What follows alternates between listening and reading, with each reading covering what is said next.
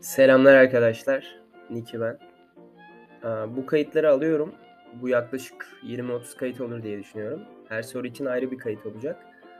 Erasmus Completion tarzı bir şey olacak. Ya da Erasmus Collection artık nasıl söylemek isterseniz.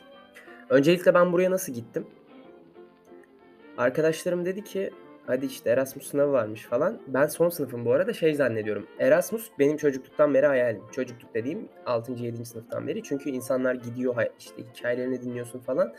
Ben dedim ki tamam okey ben de gitmeliyim falan. Çocukluktan beri böyle bir hayalim var. Yurt dışına çıkmak istiyorum ve bu insanların yaşam stilleri, cartlar, curtlar çok merak ediyorum yani. Biliyorsunuz bizim böyle çok da fırsatımız da olmuyor. Dedim okey arkadaşım öyle söyleyince sınava girelim. Sonra sınava girdik. Daha sonrasında bizim sınav, bir yazılı sınavımız var, bir de mülakat var. Ben Sakarya Üniversitesi'ndeyim bu arada. Yazılı sınavı geçip yüksek not alanların çoğu garip bir şekilde mülakatta eğleniyor. Ee, okul puanı da senin çok önemli. Genel işte 4 üzerinden olan ortalaman.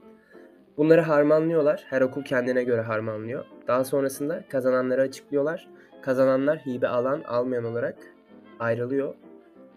Çok zor olmadı. Bu arada sınava hiç çalışmadım. Sadece sabah sınava girmeden önce arkadaşlarımla yarım saat Discord'da bir İngilizce mülahazalar yaptık hafiften. Yarım saat kadar aynen. O arada işte tamam ya dedim. Ben hallederim herhalde. Çok gerildim bir ara. Sonra elime gelen ilk alkolden 3 shot aldım yarım saat içinde. Sonra güzel geçti. Yani mülakat bayağı kıyak geçti.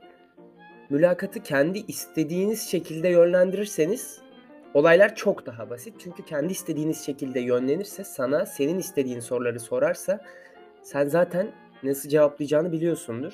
Ve o konuda kelime haznende olduğu için çat çat çat hallediyorsun. Ama soru sormayı ona bırakırsan ters köşe yiyip tokatlanabilirsin gibi bir şey. Çok zor olmadı yani.